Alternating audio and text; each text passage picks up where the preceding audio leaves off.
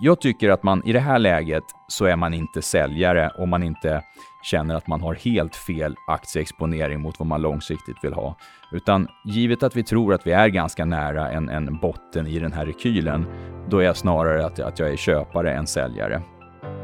Det här är Investera och agera, en podcast från Carnegie Private Banking. Hej! Idag när vi spelar in det här avsnittet är det den 6 oktober och ni lyssnar på mig, Carl Hedberg, som är aktiechef här på Carnegie Private Banking.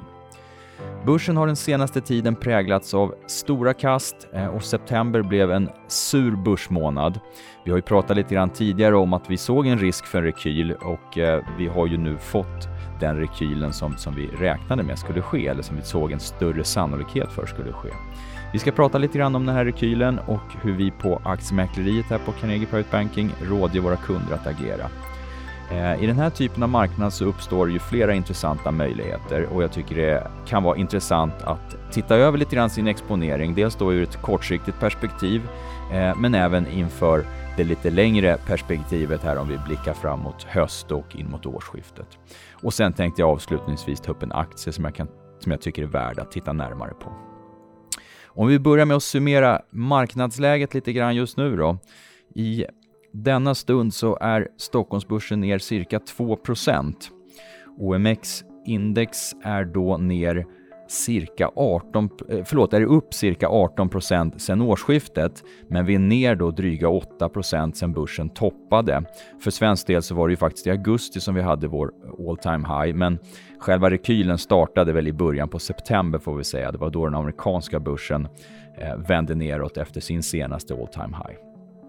Amerikanska S&P 500 är upp ungefär 15% sedan årsskiftet, ner lite mindre än vad vi är, ner dryga 4% sedan toppen. Eh, och rekylen började då som sagt i början på september där borta. Även om svenska börsen tjuvstartade lite grann med sin rekyl, men det var marginella nedgångar och gjorde faktiskt ett försök att nosa på de gamla topparna då, innan det vände ner i början på september. Så stora frågan, vart är vi i den här rekylen? Jag tror att vi är ganska nära botten i rekylen. Vi är nog inte riktigt där än så länge, men jag tror inte att det är många procent kvar på den här rörelsen neråt innan vi får åtminstone en liten större studs uppåt.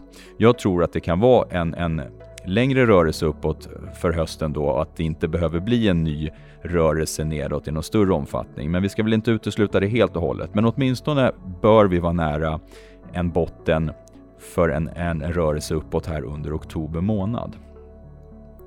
Jag tycker dock att man kan vara lite försiktig och avvakta kanske tiden ytterligare någon vecka innan man blir alltför optimistisk om att vi bottnar ur här. Och även om vi inte behöver ha så mycket mer på nedsidan så tror jag marknaden kommer vara lite försiktig ytterligare en tid in mot Q3-rapporterna. Vi har väl egentligen bara passerat en, en knapp vecka sedan, sen eh, kvartalsskiftet tog slut och det är ju nu det börjar bli då lite högsäsong för eventuella vinstvarningar när man börjar summera ihop böckerna för, för det tredje kvartalet. Så att det tror jag marknaden kommer vänta lite grann för att se om det dyker upp mera obehagliga överraskningar där. Sen är det egentligen då mot mitten av månaden. Vi har Sandvik som ett av de första lite större bolagen ut som kommer den 18 eh, oktober med, med sin eh, Q3-rapport och kommer vara lite grann av en, en vägvisare där på vad vi har att vänta. Eh, det är en del som säger att aktier är en vintersport och det ser väl ut så Eh, förhoppningsvis även i år. Vi tror ju att vi kommer ha en botten någonstans under oktober månad och sen röra oss uppåt då. Och tittar vi historiskt sett på säsongsmönstret så har det ju varit det halvåret vi går in i nu som har varit det starka, starka delen av, av börsåret. Det är oftast där den stora delen av avkastningen kommer. Det andra halvåret har historiskt sett levererat betydligt mindre, betydligt mindre avkastning. Eh, och vi är ju lite grann vid ett läge där det är lite dragkamp mellan en del positiva faktorer och vi har även en del saker på den negativa sidan. Eh, men jag tycker vi kan konstatera att riskviljan fortfarande finns. Det finns fortfarande mycket pengar vid sidlinjen. Eh, och vi har ju, som ni säkert alla har noterat, ett stort flöde av börsnoteringar. Och det verkar finnas ett stort intresse att fortfarande vara med och teckna i de här noteringarna. Så mycket pengar som vill leta sig in i marknaden. Men mot det så får vi väl ställa lite grann det här då att vi är fortfarande inne i slutskedet av det svaga säsongsmönstret.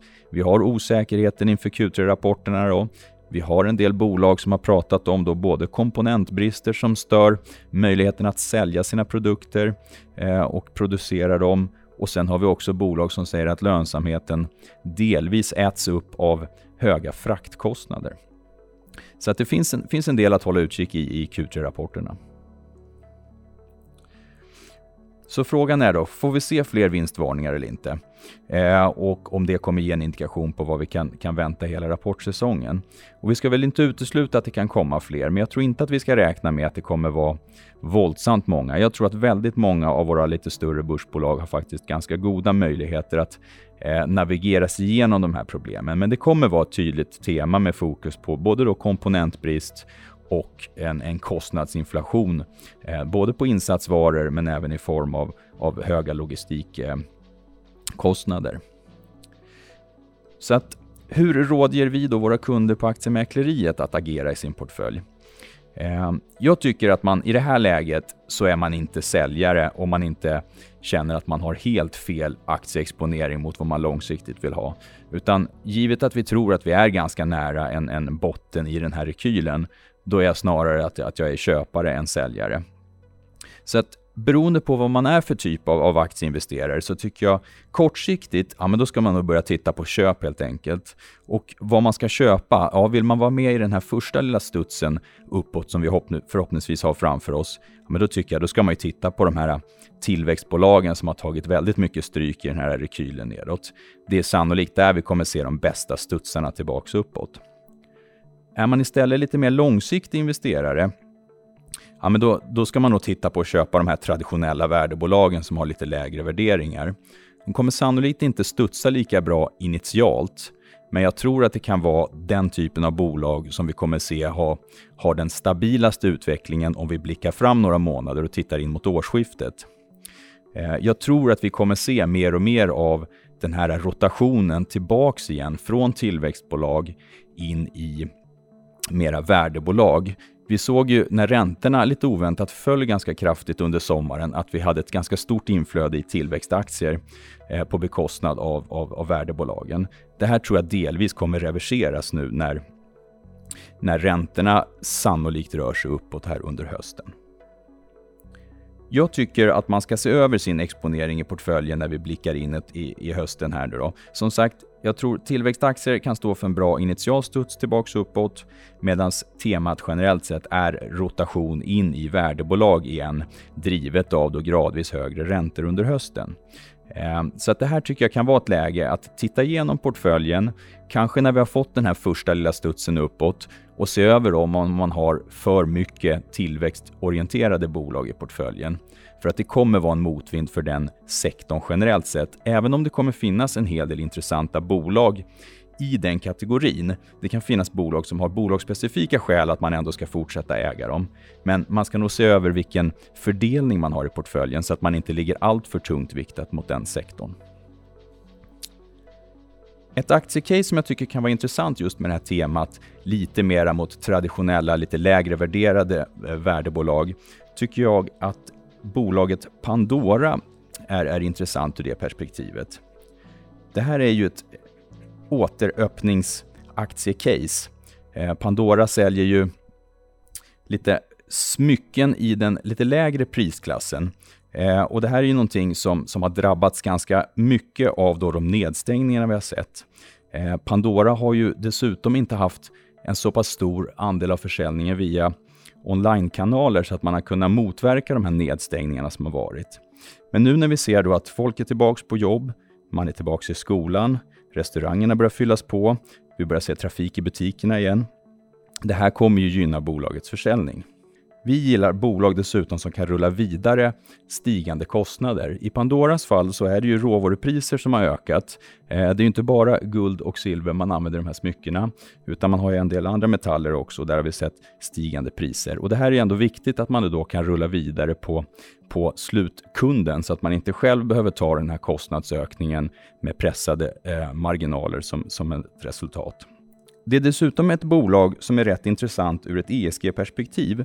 Eh, man har ganska ambitiösa mål här om att minska andelen eh, nyutvunna metaller i sin produktion. I dagsläget så är det 60 procent av det guld och det silver man använder som kommer från återvunnet guld och silver. Eh, målet är att 2025 ha ersatt det med helt och hållet åter, återanvändbart eh, guld och silver så att man ska minska sin klimatpåverkan i, i den processen. Det som vi dessutom tycker är intressant med den här aktien, det är de nya finansiella målen man presenterade på sin kapitalmarknadsdag nyligen. Eh, och visserligen ambitiösa mål, men de är baserade på en ganska försiktig prognos, så att jag tror att det finns en ganska god chans att man kommer kunna överträffa de här faktiskt. Eh, och givet de här förväntningarna och de förutsättningarna som vi ser framför oss då med, med en återuppöppning av samhället, så tror jag att det finns eh, en god möjlighet att man kommer vara beredd att sätta en högre värdering på, på det här bolagets aktie. Eh, vi räknar med en vinsttillväxt på någonstans 15 20% från kommande två åren för respektive år. Och ta då värderingen utifrån våra förväntningar om vinst nästa år så handlas det här på ett P tal om runt 15. Det tycker jag är lite för lågt givet den förväntade höga vinsttillväxten. Så helt klart en, en intressant aktie i det här skedet i ekonomin. Aktiecaset är en sammanfattning av Carnegies analys som publicerades för Carnegies kunder den 23 augusti. Mer info om aktien finns länkat i beskrivningen till den här podden. Historik och underlag kan du få genom att mejla mar-information.carnegie.se Tack för att du har lyssnat.